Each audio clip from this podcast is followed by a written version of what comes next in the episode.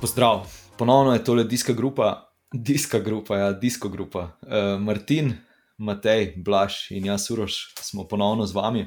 Zdravo vsem, pozdravljeni. Zdravo. Um, ja, zdaj uh, končala se je Velta, zmagal je Primož, kar smo kaj pričakovali, želeli, napovedovali, kakorkoli. Ampak še predtem je potrebno pogledati uh, tiste etape, ki so se nabrale od uh, prejšnjega tedna, ko smo snemali. Torej 16, 17, 18, 19, 20 in pa zadnja 21 etapa, uh, ki je bila kronometer. Um, ja, predlagam, da, da kar skočimo noter, kot se, radi, kot se rado reče. Pa začnemo 16. etapo, ki je bila, se rečem, uh, šprinterska.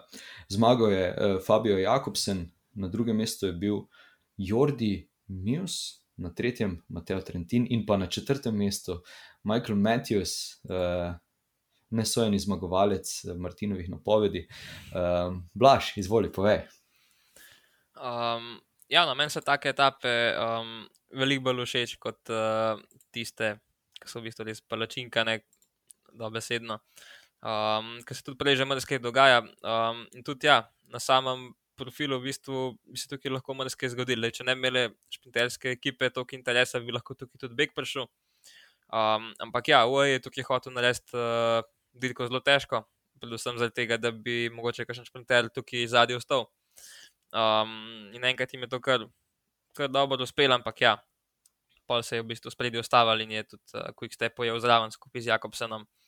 Um, tako da je pa ta plan splaval po vodi, pa tudi ja, če bi se odpeljal, vprašanje, če bi Trentin lahko zmagal tole, ker ne vem, nekako mi, mi ne deluje, da bi mu uspel še kdaj zmagati kaj tazga večga, oziroma tukaj pač ni, ali ni forma ta prava, so pač ostali tako boljši.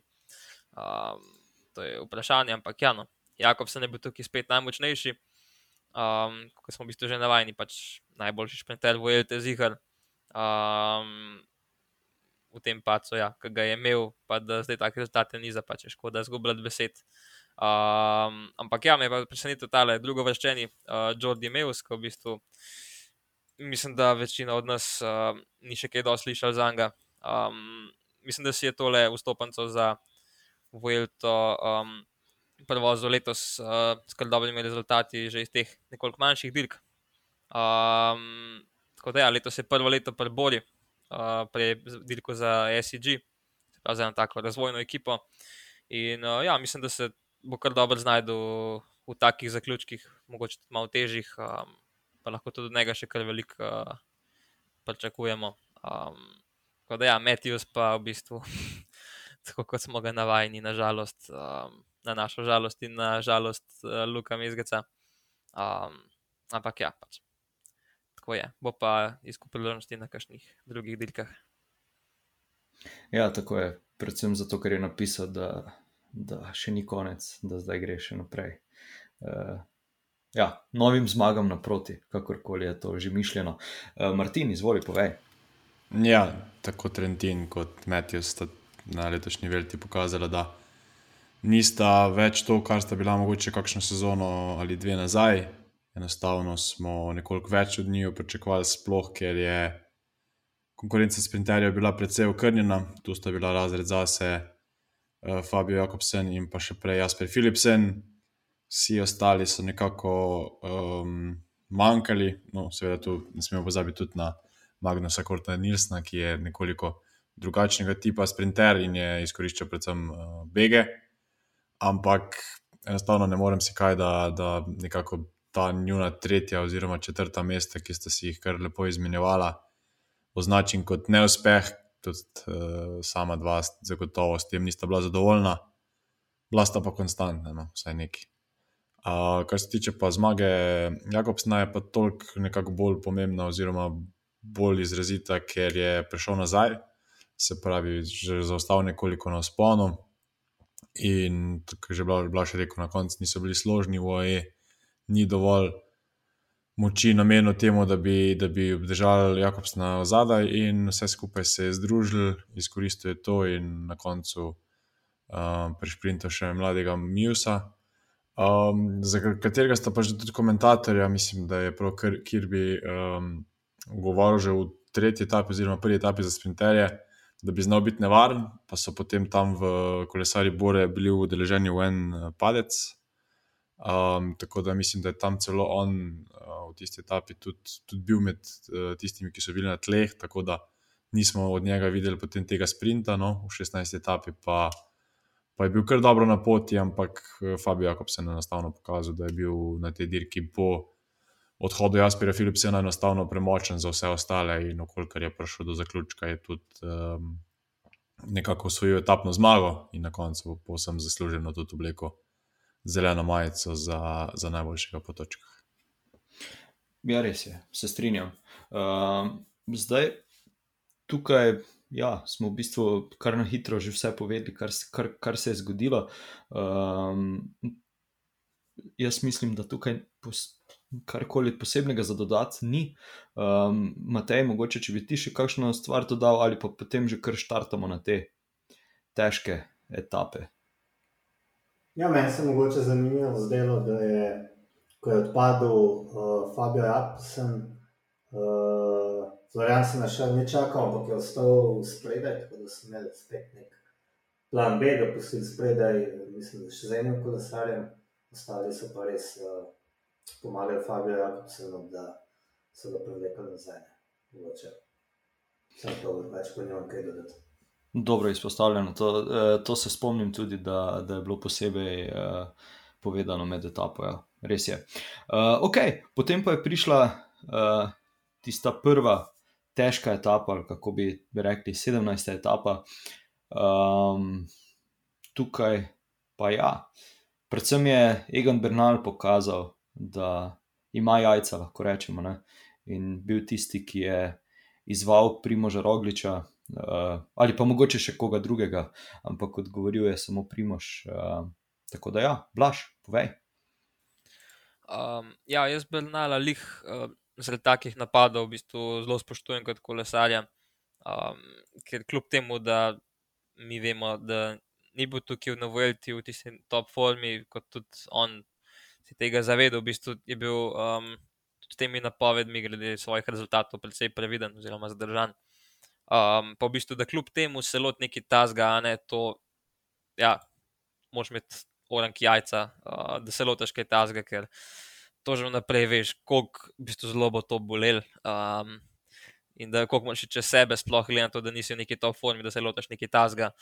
Um, je to pač nekaj nepredstavljivega, večina kolesarjev bi v bistvu sam držal grupo in je to to. Uh, on je pa v bistvu hotel več kot to um, in se odločil ja, za ta zelo pogumen napad. Um, v bistvu edin, ja, primož ga je lahko držal, ostali so ali so malo zaspali, niso pričakovali tega uh, in so jo pač pustili, da greš ta sama naprej. Um, tukaj pa na koncu na zadnjem usponu, pa v bistvu Primož pokazal, kam spada, uh, Bernal je mogoče. Ja. Moj je bilo mogoče tisti moment žal uh, tega napada, uh, ampak uh, vseeno, ja, če ne probaš, nikoli ne veš. In, uh, on je probo in mislim, da tukaj ni obžaloval v bistvu ničesar. Um, tako da, ja, uh, bi pa tukaj še izpostavil, ja, te emocije, ki jih je Primož pokazal, ki je v cilj prišel. Um, tega ponavadi nismo navajeni, oziroma redko, da on pokaže neka čustva, ko pride čez črto, ko zmaga. Ponavadi je tako, pač tista resna, resen izraz na obrazu, ki dvigne roke.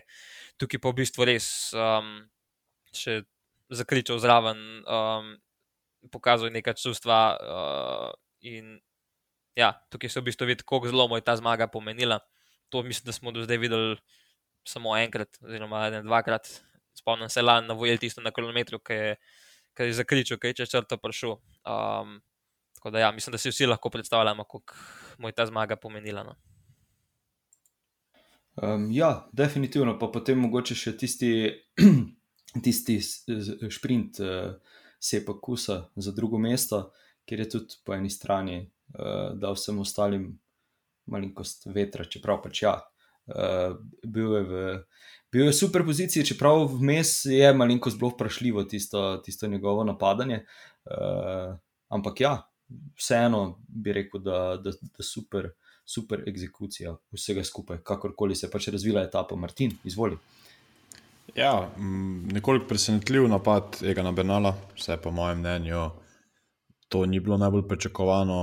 Sicer smo omenjali tudi mi v naših eh, prejšnjih epizodah, da pričakujemo nekaj podobnega iz ekipe Movistar, kjer so imeli dva kapetana dobro postavljena, se pravi Lopeza in Masa. Ona dva bi nekako morala poskusiti z nečem podobnim, kot je to storil Egan Bernal. Še bolje bi bilo v tem trenutku izkoristiti napad Bernala, se poskusiti priključiti se pravi njemu in potem nadaljevati nekoliko kasneje ta napad. Ampak enostavno, ko se je Bernal odpeljal, pravzaprav v sedečem položaju, mislim, da je bil njegov zadnji uh, pomočnik um, Van Barle, ampak uh, enostavno odpeljal se je brez, brez večjih težav. Um, Primoš mu je sledil, za trenutek je bil zraven tudi Kus, ki pa se je naknadno odločil, ali pač res ni mogel. To nisem nis najbolj uspel prebrati njegovega izraza na obrazu, da, da ne gre z njima. Šla sta sama 61 km do cilja, to je res lahko označimo kot napad daleč. Um, peljala sta se odlično, tako na, na, klanec, kot na spust, sta, spustu sta pridobivala, prednost se je večala, nekako zadaj je večino dela upravila ekipa Bahrain Victorious za Jacka Hega, tu sta ogromno dela upravila uh, Gino Meder in pa, in pa uh, Vought Pels, še pred njima uh, Damjano Caruso. Tako da enostavno zadaj niso bili dovolj složni, oziroma Bahrain Victorious ni imela dovolj moči in pomoči ostalih ekip, potem pa v zadnjem zaključku etape je nekoliko pobralo Egana Bernala, čeprav sta komentatorji na športu videla že na, zadnji, na predzadnjem klancu težave Primoža, tam sta iskala luknjo, kjer je zagotovo ni bilo. Vsako vinek, ko je eh, Primož imel vem, 5 metrov v kolo, morda razlike, je že bil v težavah, čeprav bi vsaj po izrazu na obrazu videl. Predvsej bolj uh, v mukah Egana Bernala, ampak ja, uh, Primož se je potem na tem odpeljal tudi Bernalo, ki je bil vidno v težavah, če dalje bolje mu je, so mu pešale meči in vsa čast potem, da je uspel to, to skupino, ki je prišla za njim, uh, ostalih favoritov za generalno zastitev držati in priti z njo v cilj. V cilju pa ja, ena smešna prigoda, uh, ko je pravzaprav kus začel s sprintom, se je istočasno Primo že peljal v dolino in ta nasmešek na kusovem obrazu je bilo res nekaj najlepšega, kar lahko vidiš kot gledalec. Uh, niti ne vem, ali je bil to smeh bolečine, ker je res bil to potem brutalen klanec in na koncu še brutalen sprint. Ali je dejansko videl Primoža in se je temu nasmejal, Uh, lep prizor, tudi te slike, ki so prišle potem v javnost, so res tako nekaj posebnega. In ja, dvojna zmaga Jumbo Visme, um, povečana prednost Primoža Rogliča, pokazuje, da je res najmočnejši kljub težavam, ki, ki jih je imel prej.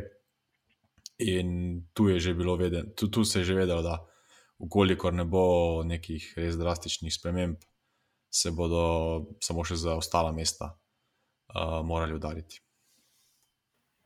Um, ja, zdaj tukaj si rekel, da, da recimo Movistar ni šel zadaj. Zdaj, ko vemo, kaj se je kasneje dogajalo, vprašanje, kakšna so prišla tudi navodila iz, uh, iz avtomobila, kaj naj naredita.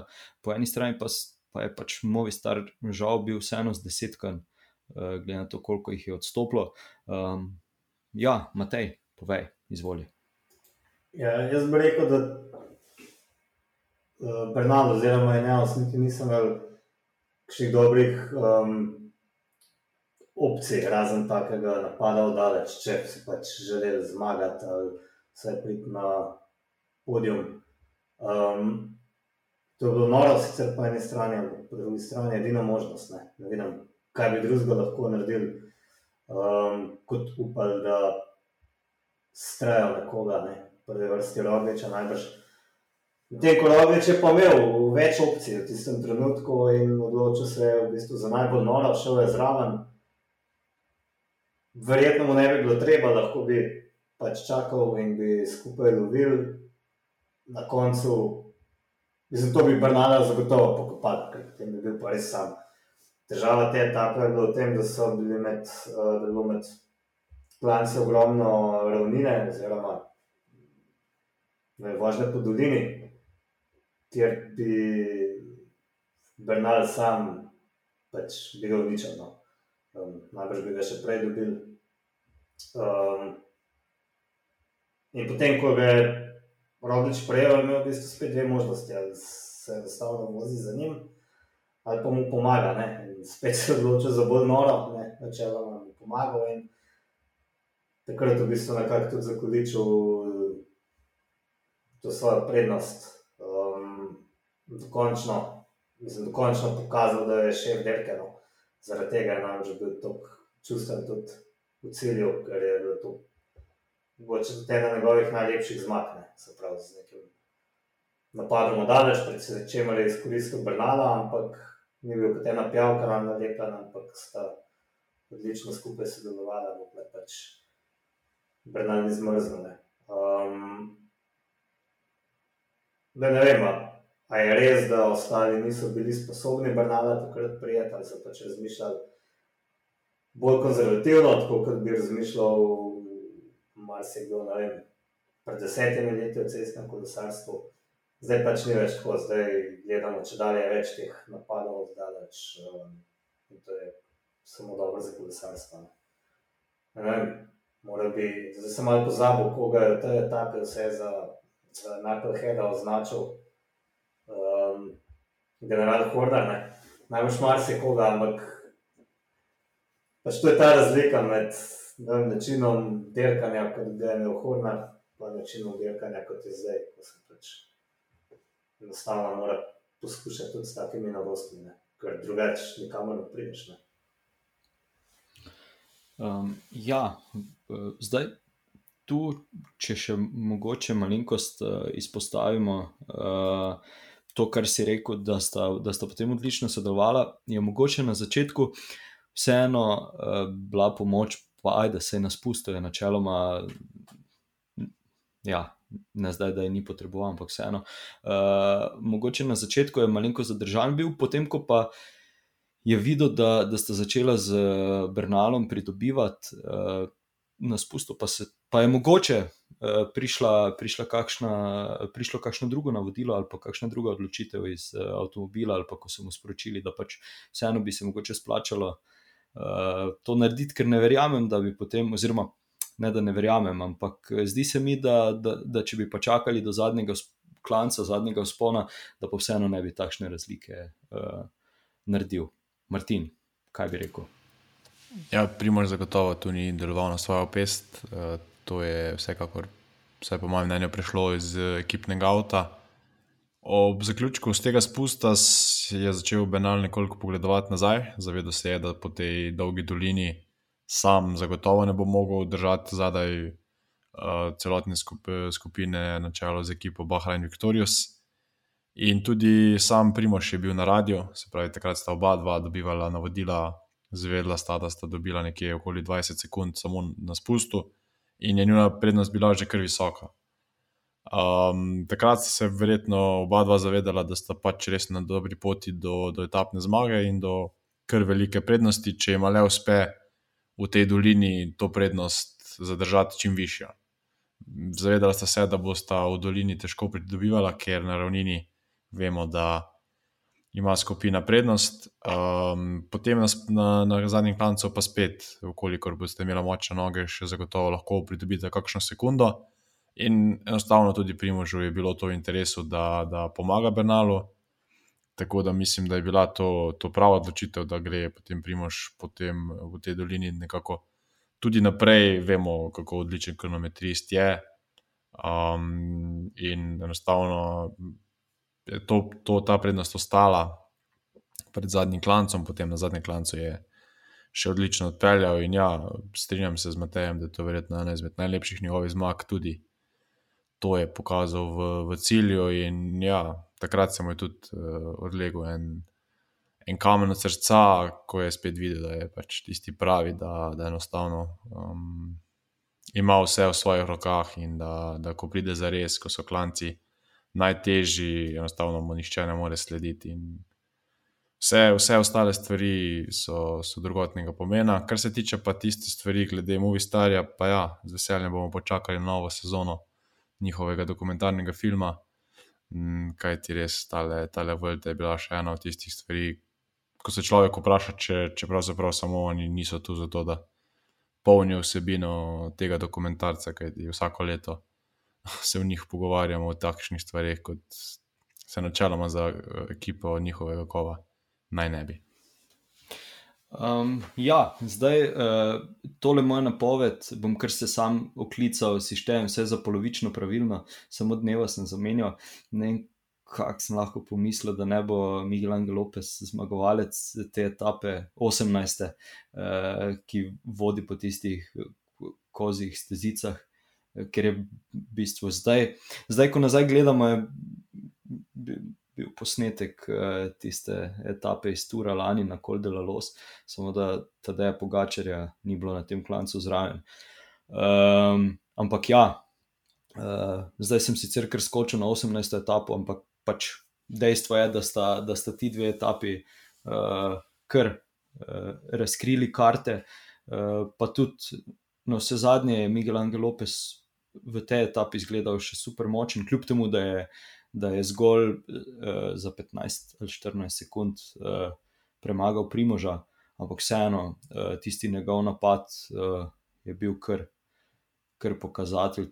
Tega, da, da bi pa še mogoče lahko, uh, če, bi, če bi še kakšna etapa bila podobna, uh, lahko karkoli naredil, blaš izvoli.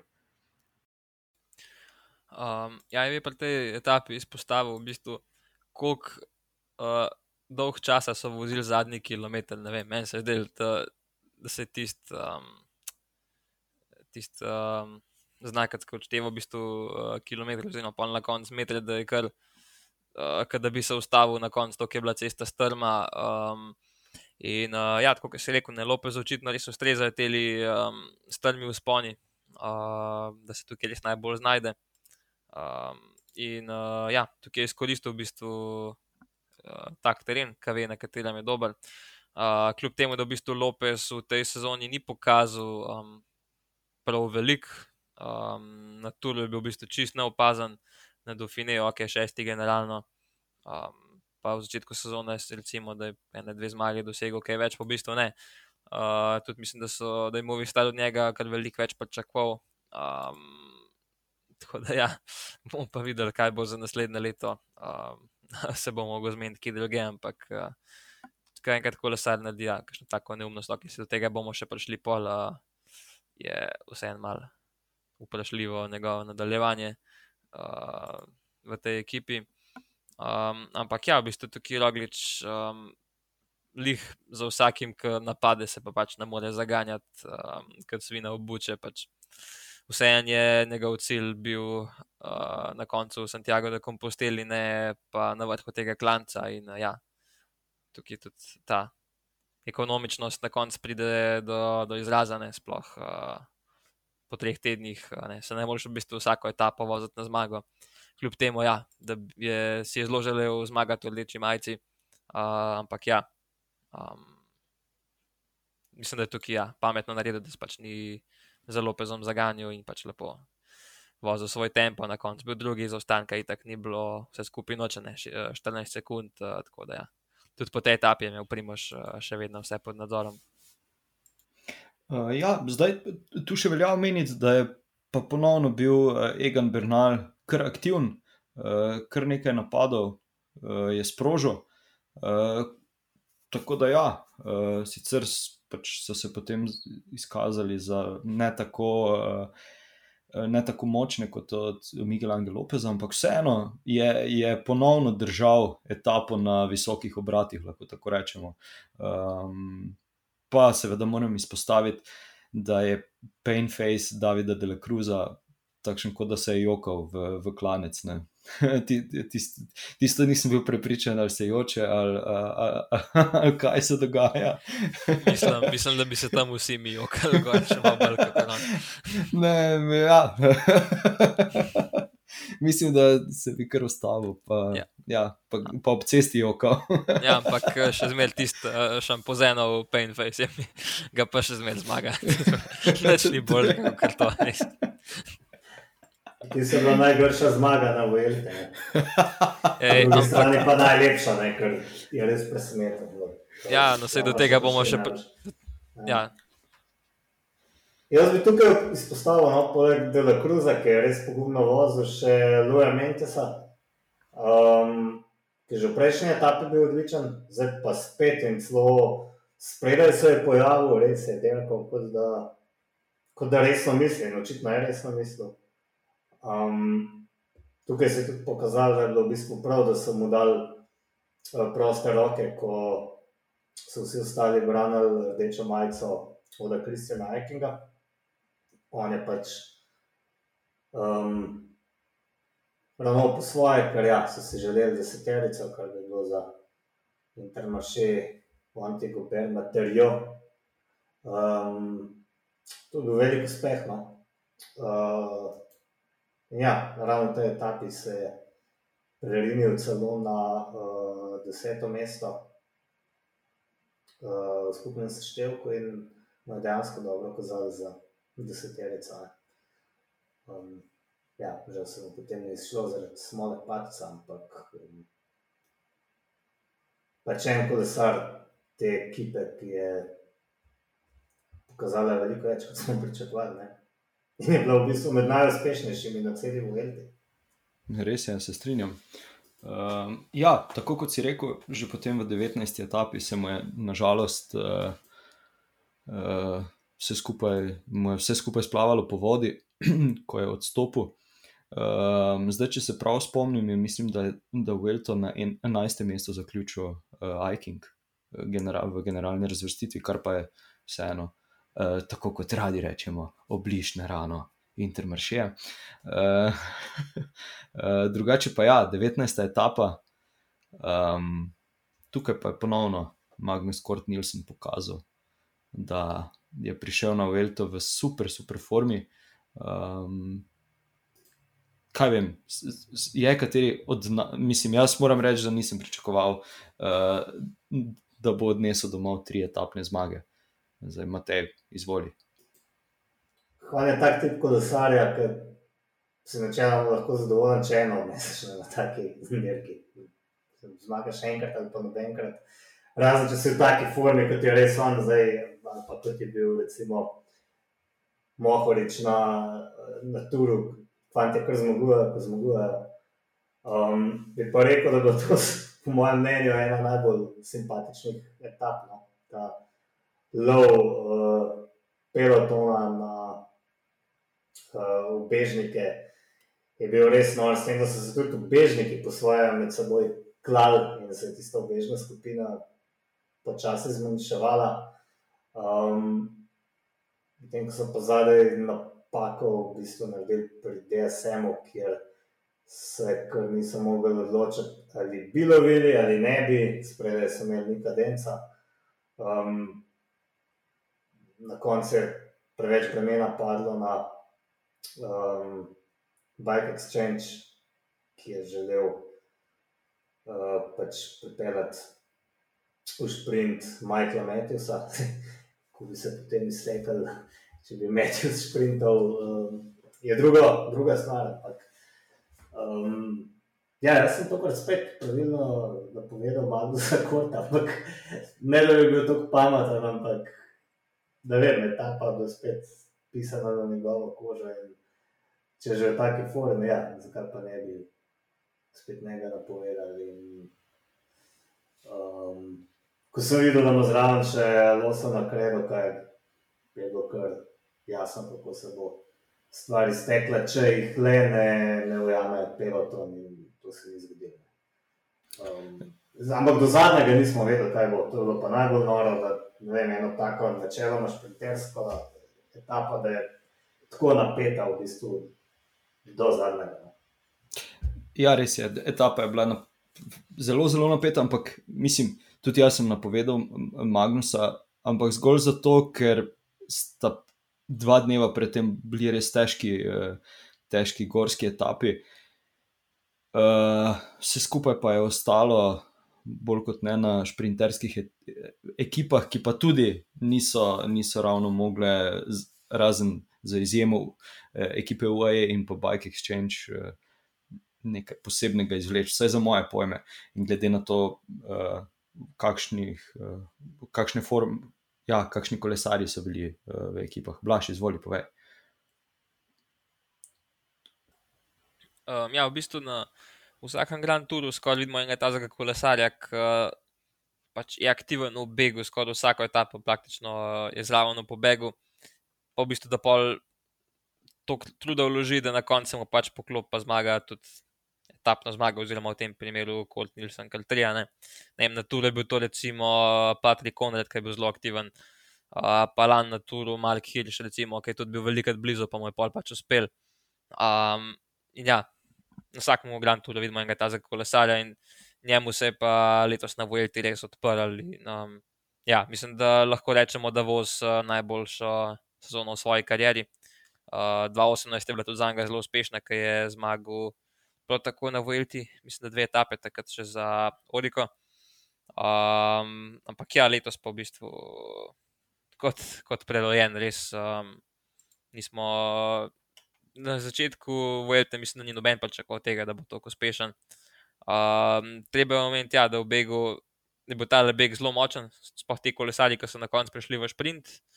Um, je sicer bil Colt Nilsen nekakšen začet favorit, ampak tudi Roy Oliver je hitri kolesar, Bajoli. Um, jaz bi tem trem nekako pripisoval največ možnosti, tudi Queen Simons, recimo, bi znal, ki bo prvič v taki vlogi, oziroma da bi bil tako blizu, do, da mu je tako malo zmanjkalo etapne zmage, ampak uh, tudi on ima še dolgo kariero in mislim, da bo lahko še, še marsikaj dosegel. Je pa lih tukaj, da je nezel sprint v grupo, ne, uh, lih zdaj, ki je beg prišel do konca, nekaj ponavadi. Um, Ga jaz ne povem za te šprinterske etape, da ni lih samo Jakobsen skozi, ampak ja, tukaj mu je pa uspe- uspel uh, odšprintati grupo, ampak uh, je bil nažalost beg spredi. Um, ja, preden ti dam besedo, Matej, uh, bi, tu, bi tu še uh, tudi jaz izpostavil Ruja Olivero, ki je bil vidno, vidno razočaran, uh, tudi v Sauzu, tam v, uh, v tistem ciljnem prostoru. Um, ker pač ja. I- Se je zelo, zelo dobro počutil, ampak na koncu mu je malenko zmanjkalo. Uh, sicer je še mlad, tako da mislim, da ga vseeno čaka kakšna lepa etapna zmaga. tako Da, ja. Matej, zdaj pa izvoli, predajam tebi besedo. Eh, Tukaj je bilo ključno tudi to, da je Fabio Jakobsen takoj odpadal, kar je pomenilo, da v tako neki quick step je mogel pomagati uh, v lovu. Ne? Če bi bil zraven še quick step, to ne bi uspel. Ne? Ampak to je pač značilnost teh, rečemo, zadnjih šprinterskih etap, ki sledijo tako zahtevnim dnem. Um, na tritedenskih dirkah, ko pač pride jasno do sipa šprinterjev, ko so vsi utrujeni in bi mogoče celo na kakšni še bolj ravninski etapi um, mogoče uspel beg, to smo že večkrat videli. Um, sem hotel še nekaj dodati. Ne. Ja, Oliveira je bil res razočaran, najbolj zato, ker to bilo res, mislim, gotovo ne uh, edina priložnost v njegovem življenju, ampak zagotovo ena od najboljših. Ne, vprašanje, da sem spet ponudila. Ne. Tako da to razočaranje, kar razumem. Uh, kar se pomaga, se korta ni tiče, pa um,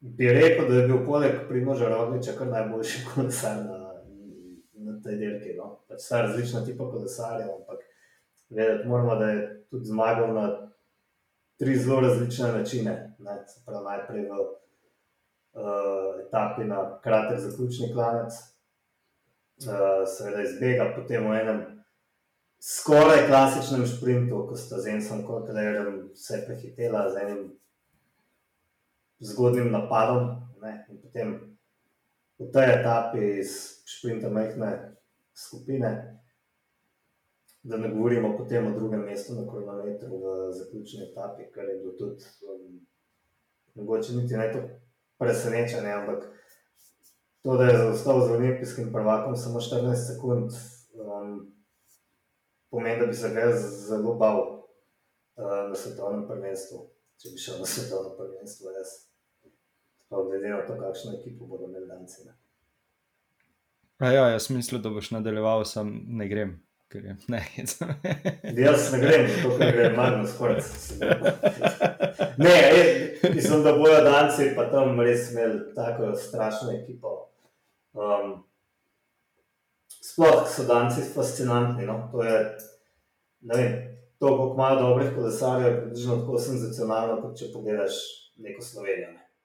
Um, Danska je majhna država, ja, mogoče so kolesarsko bolj razviti, mislim na to kolesarstvo vsakodnevno. Um, tam so ogromno enih vsakodnevnih voženj, prav s kolesom, ampak majhen narod, pa taki kolesari, ne, to, to je čisto naravno.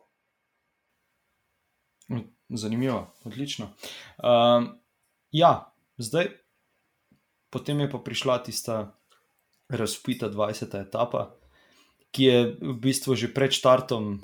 Uh, sedaj bom za vse poslušalce povedal to, da ne vidite, ampak samo da sem začel govoriti o 20. etapi, so se vse roke prižgale, da vsi želijo govoriti.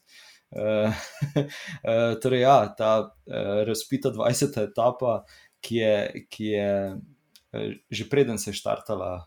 Nekako napovedovala to, da pa ne bo tako lahka, kot mogoče izgleda na papirju. Uh, Um, tako da, ja, Blaž, evo ti predajam besedo, izvoli.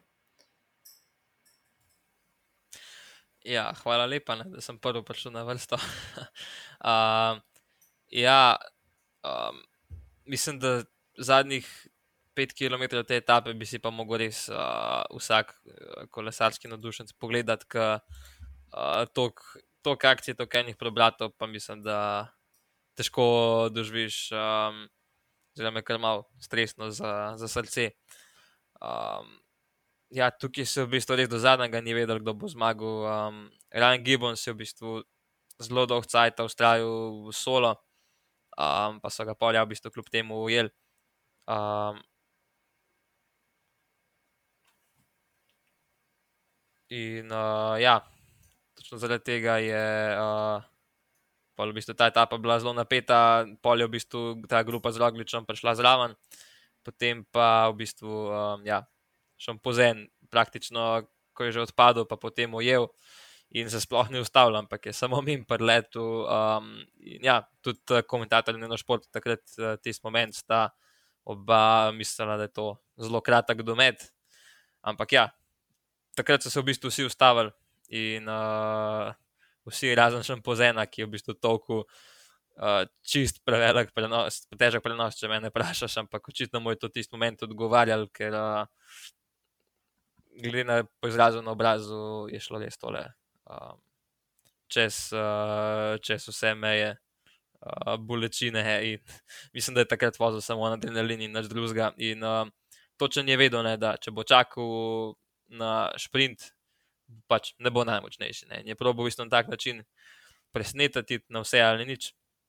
In uh, se mu je pač obrestoval, tistih par sekund so se pogledali in v bistvu, ja, pod tisto zadnjo strmino je imel dobrih 20 sekund na koncu prednosti, uh, katere je potem samo še uh, stisnil tisto zadnjo špico in se na koncu veselil, ja, največje zmage v karieri, definitivno. V bistvu prva njegova zmaga, ne?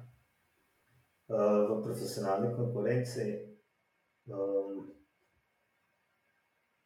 in v bistvu je rešil na ta način um, ekipo Ažen Zersi Train, ki nekaj dosti ne gleda ne, na tem, na tem vojski. Ja, poznam še, poznam še katero ekipo, ki nekaj dosti naredila na tej Velti. predvsem tisti, na katerega so, na katerega so stavili. Uh, zdaj, um, tukaj torej se je zgodila tista, um, tisti dogodek, kjer je uh, Enrik, uh, ne Enrik Mas, joj, uh, Miguel Angel Lopez se stopil iz kolesa. Uh, Zaenkrat lahko rečemo samo, da se ta saga še nadaljuje, da se še ni razblinila, uh, ampak Bog si ga vedi, kaj vse točno se je dogajalo. Uh, ja, kakšni so bili tisti pogovori. So pa definitivno, oziroma definitivno upam, da se ne bodo izbrisali posnetki, tako kot so se v sezoni dve, uh, v, v, ja, v seriji na Netflixu. Martin, izvoli. Ja, Blaž je odlično opisal, opisal celotno etapo, predvsem zaključek, ampak to ni bila najbolj zanimiva, oziroma najbolj um, odmevna stvar na tej etapi, in to je zagotovo bila ta um, situacija okoli Miguela Angela Lopeza. Zdaj, dve sezone nazaj, smo videli podobno zgodbo pri ekipi Bahrain Victorious, s tem, da se je vsaj za moje pojme tista končala precej manj bizarno. Se stopi z kolesa in um, da se usedeš v avto, je ena stvar, to da pa v bistvu vmes bereš po, po, po medijih, da niti ne vejo, kje je in da kam je šel, in vse te stvari, da pač enostavno. Ena velika komedija za nas, neutralne gledalce, za vodje ekipe pa glavo bolj. Ne predstavljam si, kaj za sponzorje pomeni nek, nek tak dogodek, ko, ko se pravzaprav celoten kolesarski svet iz tebe dela norce. Um, to ni bil niti nek prepir, se pravi, no, ta, ta, ta afera zagotovo še ni dobila zadnjega epiloga. Um, res, res upam, da bo v, v samem dokumentarcu to prikazano v bolj jasni luči, kot pa kakšna stvar eh, do sedaj, čeprav hkrati močno dvomim, ker so to le takšne stvari, kot, ki jih raje pod, pometijo pod predprogo, kot pa izpostavljajo celotni javnosti, ampak to se očitno v kolesarstvu dogaja.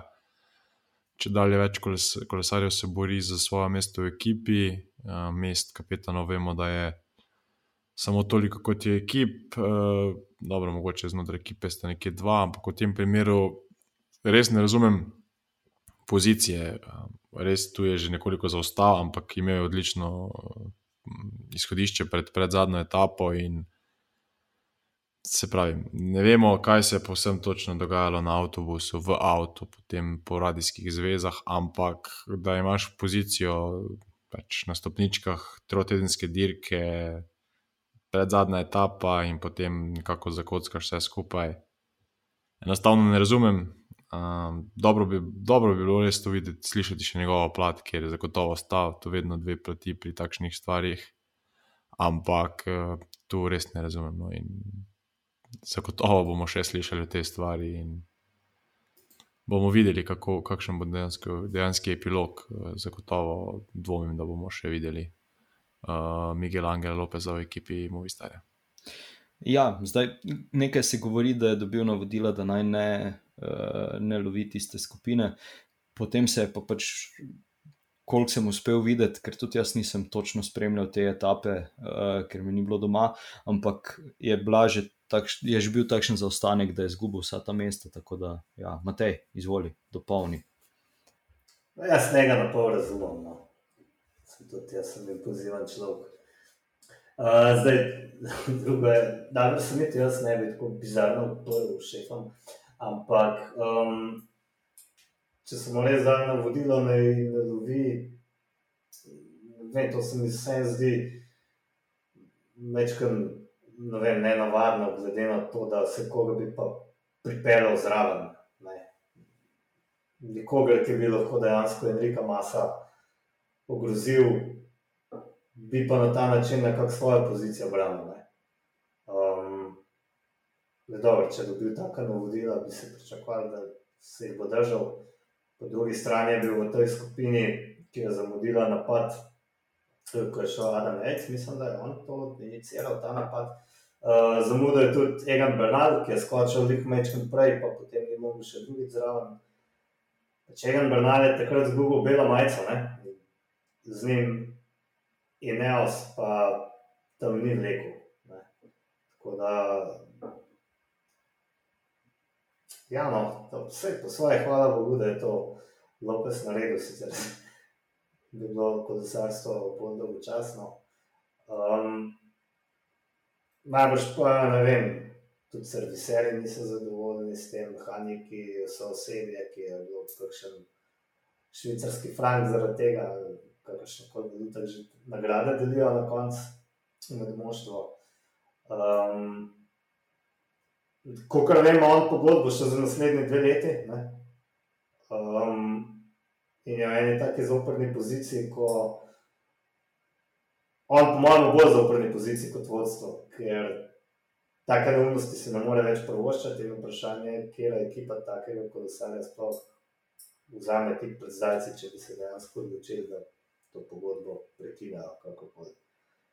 Ne vem, jaz da mogoče ne bi želel imeti v svoji ekipi. Ali pa mogoče ravno zaradi tega, ker je tak človek, ki tako neumnost naredi, mogoče potem večkrat bolj pridem. Ne. Je pa tako, da po mojem, če bi on delal v kategoriji juniorjev, ne, pa da bi bil Blaž njegov trener, bi po mojem šel domov s kolesom. Se ne bi pedal v cilj, ne. kaj praviš, Blaž. Ja, to se je že zgodilo. Uh, pač, ni, že, že pri mladincih si česar tega ne moreš prvošati, neke svoje glavosti, kaj še le na takem rangu. No, da, ja, sem Lopeza smo že videli nekaj takih. Skipljivih stvari, že takrat, ko je na Džiru unga slovenskega navijača za šamarju, sicer takrat mislim, da je bilo veliko bolj upravičeno. Uh, takrat je bilo no. ja, ja, takrat, tisto, tisto. takrat bi mislim, da je po mojem mnenju še malo premalo. Ampak ja, uh, ja, najbolj še tudi kot karakterno tako malo skipljiv. Um, poznamo take, ja, tudi, uh, tudi Rowan uh, je že nekaj podobnega izvedel. Sicer on ni bil generalno tako visok, nisem šlo zdaj za, za stopničke na Grand Touru, ampak ja, tole je bilo še malo bolj odmevno in ja. Zelo veliko se je prvoščeno. in uh, ja, me zelo zanima, kako se bo zmazal iz tega. Um, v primeru, da hočete drugo ekipo, mora ta ekipa računati, da mora pač tudi plačati tudi ta del pogodbe, ki, kateri on pač bi mogel oddelati v Movi Starju. Tako da, ja, um, zanimivo bo. Ne, ne, ne prvoščam so, so tega. Srečo, ne, ja, so srečo. Ne prvoščam, čist nače. Dobro, tako smo tudi zelo na Denisa govorili, pa so se potem koliko toliko udobno zmenili, da je on odšel v uh, in neosne. Nekaj so se sicer tožali, ne, ampak um, vse, kar je šlo, no, on je delal naprej in na koncu bi vsi zadovoljni, da so se drug drugega znebili.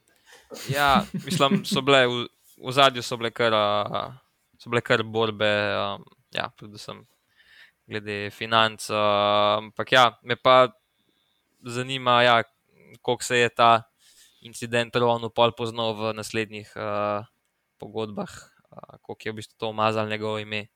To, mislim, najbrž ne bo noben od nas vedel, ampak ja, me, me bi bilo pa zanimivo videti, kako je to, ta dogodek vplival ja, na, na njegovo naslednjo plačo. Mogoče bo kak dodatni aneks mogel Miguel Angel Lopez podpisati, da če še kdaj se stopi z kolesa ali pa udari navijača, da bo, ja, se, ne, bom, ne bom sploh šel dalje. Um, ja, kronometer, 21. etapa. Um, ko se je vklopil televizijski prenos, je pokazalo Josefa Črnja. Na tistem, v narekovajih rečeno, vročem stolu, za kar je Matej izpostavil, da jim v treh tednih ni uspelo najti novega, kar je res, oziroma bolj udobnega uh, ali pa vsaj kakega, ki bi izgledal bolj vroč. Stol. Uh, ja, uh, Matej, kar izvoli. Če bi en drug stol našel, bi, bi priznal svojo napako. Boš mogoče ustrajati pri tem, kar sem imel. Um, pa se ne vem, kaj pa ne povemo o tem kronometru. Jaz sem večkrat dremal zraven. Ja, da je Magnus Kort Nilsen bil kar nekaj uh, časa na vročem stolu, pa da pač sploh mogoče po tistem, uh, uh, ko, je, ko je Primoš malenkost zgrešil traso, je mogoče vseeno upal na to, da, da bi pa lahko ostal na prvem mestu. A no, ti ne misliš tako? Ja, se to je v bistvu edino, kar lahko na tem kronometru izpostavimo, da je on res navdušen. Jaz si nisem predstavljal, da bo zaostal pač pičli 14 sekund za olimpijskim prvakom, ki je ja, tam večkrat skoraj zalutal, ampak um, tam ne vem, če je zgubil, ker je več kot sekundo. Um, mogoče je v Olimpijih večkrat manj tvegal, ne, tudi upam, da je manj tvegal. Uh, ampak ja, pač kot je premagal, ne vem, tudi črnja za debelo minuto, naprimer, pa črni, kao, odličen kronometrist, Čet Hega je zaostal, um, Tratnik, spoh, ne vem, kje je bil, slabo je pelal. Ampak on je ogromno delal prav v prejšnjih etapah. Ne. Pa Polanc solidno pelal, zdaj še da vidim, da je bil 14. kar nam sploh ni slabo. Ja, pa Steven Krojzvik je pripeljal v cilj z tistim velikim uh, kačjim pastirjem na ramenu. To velja omeniti. Točno, to je mogoče najbolj atraktivna stvar. Ja, ja Blaž, kar povej, izvoli. Uh, ja, pa mislim, da nam je Primoš vsem uh, mal dvignil puls, ki je zapeljal tja po tistem traku, uh, ki ne vodi na traso kronometra. Uh, ampak ja, je na srečo dosti hitro uh, popravil smer, pa zavil tja, kar je bilo treba. No. Ampak uh, ni bilo nič tako kritičnega, ampak vsi smo malo wow. Ne, ne zdaj tega. ampak ja, je bilo na koncu vse v redu. Fun fact, ne, uh, je ni samo enkrat zgrešil ceste. Uh, ampak je kamera ujela samo enkrat. No. Ja, mršil, ne zvoli, povej. Jaz res mislim, da je hotel iti lope za iskati, no res v tem trenutku, da je večkrat zapeljal proti, proti trakom, ki jasno označujejo, da tam ni prava pot. Um, mislim, da je hotel no, počastiti lope za odločitev in ga povabiti, da s njim nadaljuje, ker v bistvu časa je imel dovolj, da bi še, še kaj tajega naredil. Ampak ja, definitivno po tem, ko po vsem tem, kar se je pri možu dogajalo v, v zadnjem času si nismo želeli tako hektičnega tega kronometra, ker čeprav spet razlika je na koncu ogromna, uh, kak padec bi se še lahko naredil, ali pa predrta guma. Vseeno pa, pa si nismo želeli, da bi, da bi bil naš utrip mogoče sploh tako visok, um, kot, kot nam ga je pač naredil, ampak spet. Uh, Verjetno je pa to malo tudi kratil, Mateo Spanec med, med to etapo, glih toliko, da ni uspel trdno zaspati. In ja, tudi jaz bi tu izpostavil, predvsem Korta, ne samo zato, da je bil drugi, ampak to, kar je tudi Matej prej omenil. Zaostal je za olimpijskim prvakom 15 sekund, medtem ko je tretji zaostal že skoraj da minuto, in potem vsi ostali, bolj ali manj, eh, specialisti za kronometer, uh, še več. Zagotovo je bil to boljš, en boljši kronometer, vemo, da sicer kot da zna peljati uh, kronometre zelo dobro, ampak vseeno, um, res kronometer odpeljal na nivoju. Um, me zanima, kak, kak občutek je on imel, ko je sedel tam na stolu in vedel, da pač prihaja olimpijski prvak. Je pričakoval, da bo sploh tako blizu, ali je pač rekel, ok, sej. Um, premagati ga tako ali tako ne morem, ker ja, na koncu 15 sekund ni tako veliko, ampak jaz mislim, da je Primoš tudi imel um, nekoliko več respekta do same trase, čeprav to mogoče ni izgledalo. Um, ampak mislim, da bi nekakšen drug dan, pač, kot je recimo so olimpijske igre ali pa stolno prvenstvo, ta takšen meter odpeljal še nekoliko bolj agresivno in uh, bi mogoče bila ta razlika večja, ampak vseeno, vse čestitke tudi Kortu za, za to etapo in pa nasplošno za celo, za celo Velto. Um, še je mogoče ena stvar, ki bi, bi jo jaz ustavil prej, Matej omenil, da ste bila s Primožem verjetno najboljša kolesarja na dirki. Um, tu bi še dodal uh, Michaela Storerja, Uh, zagotovo tudi on na tej dirki pokazal zelo velik. Um, dve tapni zmagi in ena, rečemo temu, blizu, bil je spet samo bego, na koncu mu seveda je zmanjkalo kar nekaj, ampak, uh, ampak res vse čestitke celotni ekipi DSM v, v točkovanju za Pikčasto majico so imeli dva kolesarja v vrhu, z etapno zmago se lahko pohvali tudi Roman Bardet. Um, tako da, ja, ekipa DSM je tudi upravila dobro delo v, v, na tej Vuelti, še posebej pa Michael Storer, ki je upozoril nas in uh, mislim, da bomo tudi od njega še v prihodnosti videli kar nekaj. Matej, povej. Ja, če smo že primali za Storerje, meni se zdi hecno, ker človek tako zgleda kot nekdo, ki ga srečaš um, nekje na cesti in ne bi ugadil, da je profesionalc, razen tega, da ima res zelo dobro upremo in dres, ki ga zgleda, kot da je um, iz nekega vaškega kluba. Um, in je bolj, da z njim ne greš dirkat.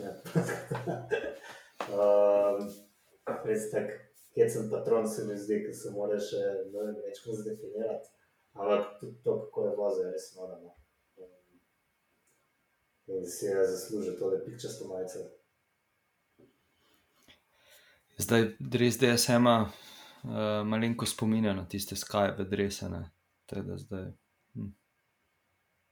s, s, s, s tistimi modrimi črtami, zdaj. Hm. Ja. Je pa trpežen, da je in te reši. Uh... ja, razen če te ne. Razen če te ne. Ja, kako da ne, Roman Bardet je potem knjižil etapno zmago po tistem ja. grdem pacu. Ker če ne bi bilo, da je njime, ne bi preživel sploh. Ne pa, veš kaj je ja. zanimivo, ne pa, pa tako dober dres imaš na koncu, ko pikčasta majica oblečeš in sam upaš, da ne boš padel nekaj. Ja. Provajda nekdo drug, ki nima. Res je. Ja, odličen dres so provajali primožu. Eh, tam, na, eh, tam pri Gel vložku je izgledalo kar super. Ne? Samo kar šlavke uh, delajo. Uh, ja, ok, pod črto Velta, kaj bomo rekli? Uh, kar težka dirka. Ja, v bistvu, kar je ja, Velta na koncu za v narekovajih za tiste, ki probijo rešiti sezono. Um, je primo že to dobro uspel, to moramo reči, pa tudi še komu drugemu, ampak ja, no, Vuelta je um, po eni strani mogoče še malo bolj zanimiva kot Tur, kljub temu, da je Tur nekako najprestižnejši. Um, da, ja, ni, bilo, ni bilo še dolgočasne Vuelte in uh, tudi letos ni bilo noč drugače. Meni je bilo še zelo več preterskih etap, zaradi tega ni bilo več manj zanimiva, ker rečemo obratno. Um, kljub temu, da ni bilo Piranejev, je bila atraktivna, enostavno ne rabiš Piranejev, tako kot mogoče dirka po Sloveniji ne rabi Vršiča, če pa bi mogoče prav prišel po kolikih letih. Um, pa tako res, res bi si želel enkrat videti na Vuelti približno tako konkurenco, kot je na Tudu, ker to je lepo potem res. Mislim, ne, mogoče si tega ne želim, no, ker bi bil prihod masakr. bi bilo pa zanimivo, naj bi to. Se, se ti nisi več prikrajšan zaradi tega. Pač ti gledaš, oni se pa matrajo, ne se ti sam sediš. Pač, ti nisi tukaj več na slabšem, ne več ti ne trpiš. Ne, že sam nisem na uh, patce in vse te. A, ok, to pa je. Ja. Pa, pa trpim tudi, če gledam. Ne. No, to je pa res. Se pa strinjam. Ja, pismo je pacev, pacev res ni fajn. Mislim, sploh ko so highlighte dali še, še Jay Vajna, eh, tisti padec ob avtu je res. Eh, oh, ja, da se je po tistem pobral, pa prišel na tretje mesto, Evo, kap, res kapo dol. Uh, Martin, povej, kar dodaj. Ja, mislim, konkurenca, konkurenca na tej dirki se meni niti ni zdela toliko uh, po imenih slaba, kot pa mogoče po formi. Ne ker razen Tadeja Pogačarja, tu ne bi videl v, v medožnimi favoriti nekoga, ki bi lahko bil bolj nevaren kot, kot so ti kolesari, ki so bili. Bi si pa želel, recimo, Egana Bernala v boljši formi, morda Adama Jajca. Um, dobro, tu manjka recimo Vingegard, ki se je na turu izkazal, ampak ne vem, morda močnejše ekipe, da bi pač pripeljal v OE močnejšo ekipo, pa, pa Ineos, tudi konec koncev Jumbo Visma je imela tu daleč od uh, popolne ekipe, ampak tu se je vseeno videlo, da so pač to kolesari, ki imajo za sabo že tudi kar precej. Um, dolgo sezono, um, Bernal je bil najbolje pripravljen za Giro, um, vsi ostali za Tour. Tako da nekako je potem Primož enostavno preveč izstopal, bil je boljši za razred od vseh, in na koncu je rezultat tu. No. Mislim, da, kot sem rekel, no, Dino Tadej bi tu lahko vozil z njim, in ne vidim drugega kolesarja, ki bi bil v tem trenutku sposoben dirkati na takšnem nivoju kot Primož. Ampak ja, že en kolesar na dirki lahko dirkanje obrne nekoliko na glavo, taktika se spremeni. Matej je omenil neke pace, to so potem še dodatne stvari, ki lahko uh, zakomplicirajo scenarije, in zagotovo bi tudi, tudi eno, eno takšnih stvari um, lahko videli, ampak ja, mirno, mirno je Primož pripeljal dirko do konca, čestitke za tretji zaporedni naslov, in ja, lahko samo gledamo naprej. In mislim, da sem slišal, da je v bistvu bil to peti od uh, zadnjih devetih Grand Tourov, ki smo jih dobili Slovenci. To je še ena res izjemna, izjemna statistika. V zadnjih tre, treh letih smo torej dobili več kot polovico vseh Grand Tourov, kar pač res uh, samo, samo nadaljuje, se lahko tako govorimo, da pač takšnih stvari več ne bomo videli. Um, po tej generaciji in res uživajmo, uživajmo, dokler je to pred nami, in enostavno bodimo veseli za, za vse uspehe, kdorkoli od naših jih, uh, jih pač doseže. Uh, ja, jaz bi tu še dodal, da tudi drugo mesto uh, Enrika Masa je uh, v bistvu super uvrstitev, glede na to, da je dirkal tudi na Turu.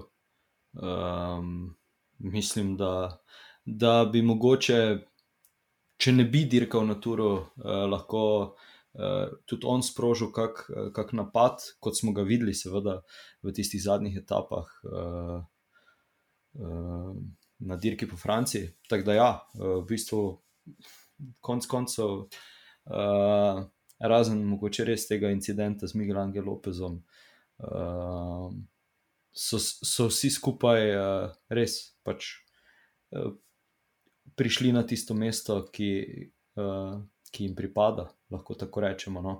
Uh, tako da, ja. zdaj, sporedno je potekala še dirka po Beneluxu. Uh, jaz priznam, da je nisem uspel uh, spremljati. Videl sem samo uh, tudi ene uh, zanimive poteze uh, Bahrajn Viktorijusa. Uh, Blaž, kaj boš povedal? Um, ja, v bistvu. Um, Bahrain je bil na tej dirki definitivno najmočnejša ekipa.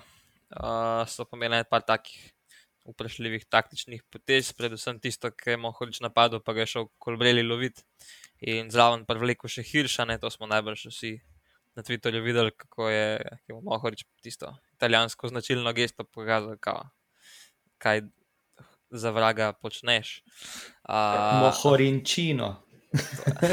Ja, Tako tak bi se pisal, če bi bil italijan, ne izvoli.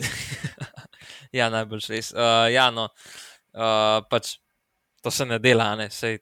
Vledo, na koncu je zmagal, ampak uh, vsem znal bi biti, pa da bi lahko se tam odpeljal, pa tudi zmagal na koncu, če ne bi tega uh, kolbreli tam naredil, ampak uredno, ima veze za Bahrain, se je končal srečno, se pravi, kolbreli zmagal s kar veliko prednostjo. Uh, se pravi, nismo ga navajeni, uh, še zmeraj nekako spada pod sprinterje in da greš sprinter v beg, dobrih 20 km do cilja in da mu to uspe, um, to kar velik uspeh. Uh, smo pa v bistvu zdaj za kolbelje že navajeni, da ni on tisti čisti sprinter, oziroma zadnje cajt je zmeraj manj sprinter, prej vse drugo, tudi na, na Turu smo že to videli.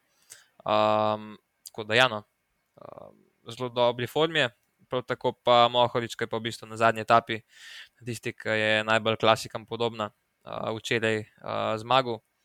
Um, zelo nam je v spominu ostalja, ker je res vozil po tistih, tistem centru na koncu od robnika do robnika, res na milimetre šlo palkati, zelo, zelo dobro prebere cesto. No. Sem opazil, um, res izkoristiti vsak milimeter. Uh, po drugi strani mi je bil pa ta napad spet malo vprašljiv, ker v svoji ekipi je imel nekoga, ki ima majico vodilnega in on je v bistvu to majico napadel. Zdaj, aj bil tukaj res tako samozavesten, tok, da je tako močen, da bo lahko se pač solo odpeljal in da ne bo s tem kolbelju povzročil neke škode, ker tukaj, tukaj so se zelo igrali uh, s tem, um, če se ta zga v bistvu kot športni direktor, se ne bi šel, še zmeraj bilo bolj pač, da kolbeli pride do cilja. Uh, čim bolj spredi in da obdrži majico, da pa v bistvu kolesari iz te ekipe napada, uh, majico je pa malo tako že na meji. No. Ampak ja, na koncu se je zabahan in srečno končal. Um, imeli so v bistvu dve etapne zmage, pa generalno tako da mislim, da se ne bojo prav kaj pritožvali. Ja, kar bi se, če bi šlo karkoli na robe, to pa bi, to pa bi hitro ja, bila težava. Uh, Ja, uh, bi, bi kdo odvajal, uh, Martin Matej, še dodal kaj k tej dirki? Uh, sta videla, uspela kaj spremljati? Mislim, na koncu pač razturali. Tako da, ne vem, na koncu se je skazalo, da so vse te njihove napake v bistvu odlične, glede na to, da so pokazali tako premoč. Jaz sem pogledal si, um, mohoreče, kadarkoli, nič kam pogledam, no, ali v Begu, ali zmaga, ali drugi. Zdaj v zadnjih 15 štartih na World of Derkah je bil enkrat prvi, štirikrat je bil drugi, pa enkrat tretji. Ne? Pa na vseh teh derkah, dvakrat drugi generalno. On je še eden od tistih, ki bi se ga bal, če bi šel na svetovno prvenstvo, ker svetovno prvenstvo bo potekalo uh, v Flandriji na približno taki trasi, kot je Velko včeraj. In, um, ne bo tako presenečenje, če bo tam zelo dobro. In to sem objavil na Twitterju, no? um, to statistiko novih rezultatov. In človek odgovori, ne? človek sam, uh, na tem ohorič, odgovori, prevečkrat sem do drugi. Ne? Kar samo pove, kako, kako išče samo najboljše presetne. In kako v bistvu ja, cilja samo na tista prva, prva mesta, kar uh, si dobro izpostavil na svetovnem prvenstvu, res spada, uh, sploh s tako formo, med ožjega favorita. Pa še tri selektore bomo imeli. Ja,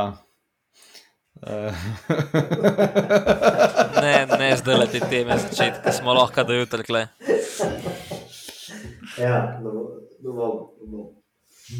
Uh, ja, uh, poteka tudi dirka po Britaniji, ki pa jo bomo, uh, ki pa jo bomo obdelali naslednji teden, oziroma obdelali, se dotaknili. Vmes je še Evropsko prvenstvo, kar nekaj dirk uh, nas še čaka do, do zaključka te sezone, tako da še bomo kar uh, imeli veliko večernih druženj in snemanj. Uh, vi pa nas boste lahko še veliko krat poslušali, in ob enem tudi, da uh, izkoristim kar to priložnost za to, da uh, nas podprete z nakupom majice. Uh, disko grupe, zdaj se jih je že kar nekaj nabralo, kar nekaj motivov že imamo. Uh, Giro, Velta, Tour, oziroma od Tura pet verzij, pa potem za Tokio, pa najbrž se bo tudi za svetovno prvenstvo uh, pojavilo. Uh, tako da, ja, uh, to je to.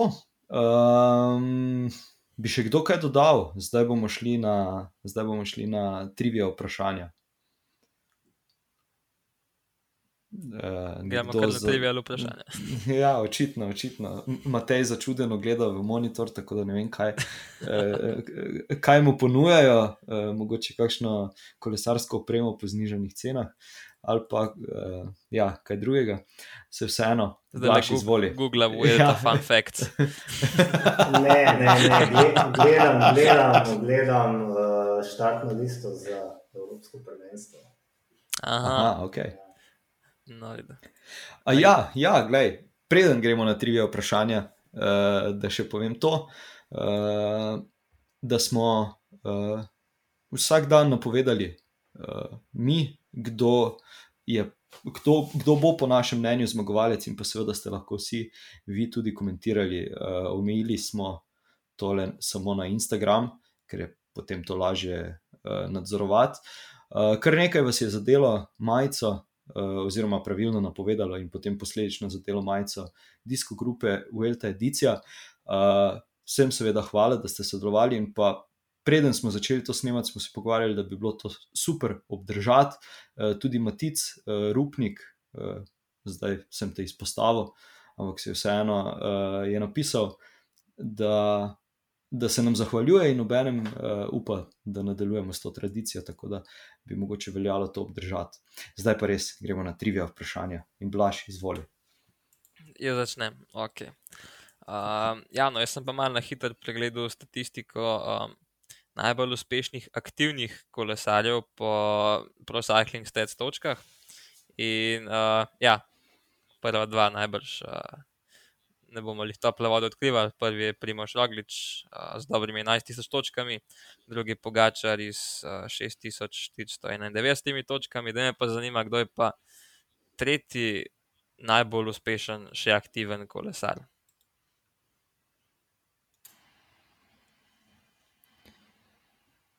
Rekel je Master C. Kje je Master C? Ne, slovenski. Ja. Ja, so, ja se to mi zdi čudno, da bi že bil povedal. Ja, ja, pardon, slovenski. Ja, ja.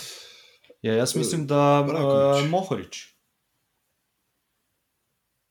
Zbiraj kot Brajkovič. Matej? Sam mikrofon pač gre, pa, pa bo kul. ja, Matej Mohorič.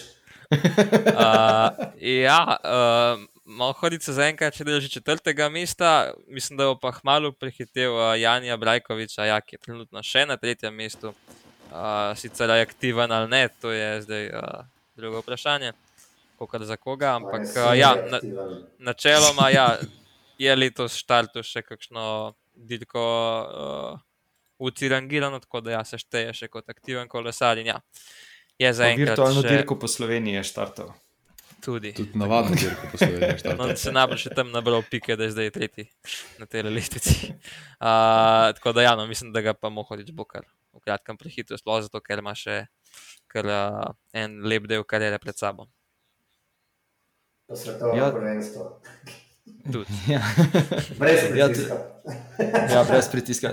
Tudi jaz sem danes eno statistiko uh, videl, ne vem kdo je objavil, da je iz lani na letos napredoval za 100 mest uh, po UCI lestvici.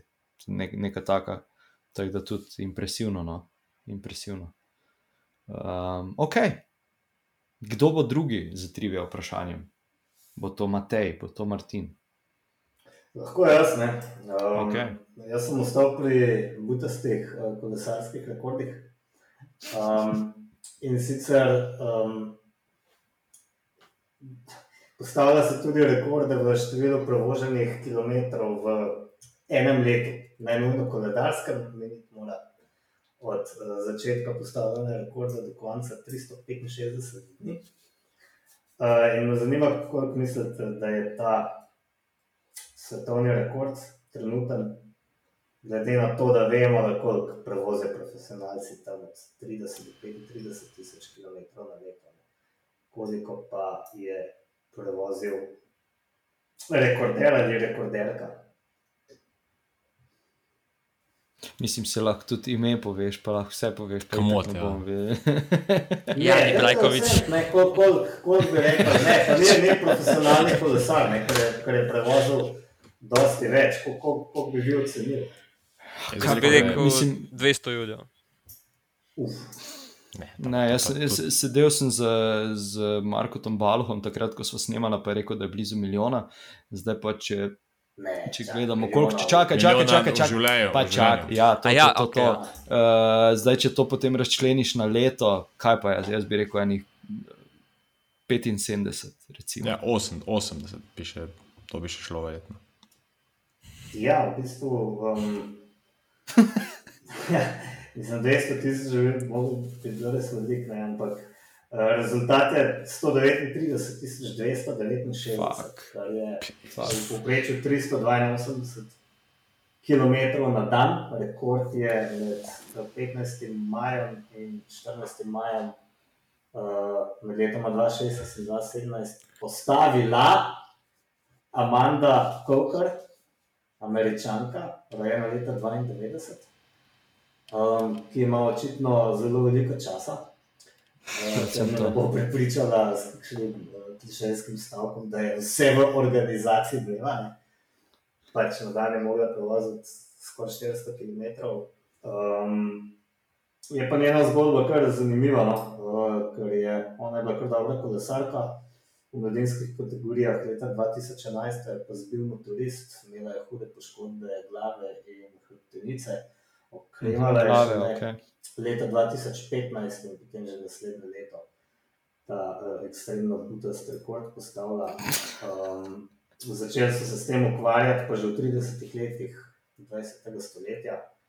Um, ne, že prej, že leta 1911 so prvega zabeležili, potem je pa popularno to v 30 postavili. Um, so prišli takrat nekje do 120 tisoč 800 km, potem je to zamrlo in leta 2015 se je neka skupina našla, da so med seboj malo tekmovali in je nekdo prevozil dobrih 122 tisoč km, dokler ni ta nora američanka njegovega rekorda presegla, se pravi za koliko, 16-17 tisoč km. To je ogromno kilometrov. Disko grupa kliče Marka Baloha. Disko. Ne, sej. E, ker potem, ko slovenci slišimo kaj takega, hitro skočimo na, na vlak Ja. in poskusimo kaj podobnega. Ja, ampak jaz v tem primeru bi res z vlakom mogel iti to kilometrov, ne s kolesom. Nima dovolj časa, ne, ker to je, ne vem, to je 11-12 ur na dan, če hitro vozi. Ne. Um, ne vem, meni se zdi to kar nepredstavljivo.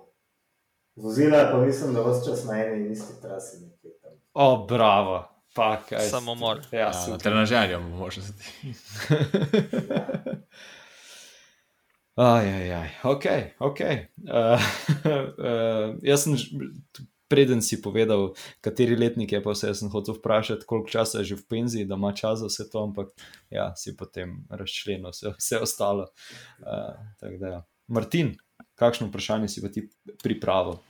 Ja, moje vprašanje se v bistvu navezuje na, na v luči prihajajočega Evropskega prvenstva. Zdaj vemo, da, da člani vozijo zdaj zadnjih par let, ampak zato me bolj zanima v bistvu za nas bolj uspešna kategorija U23.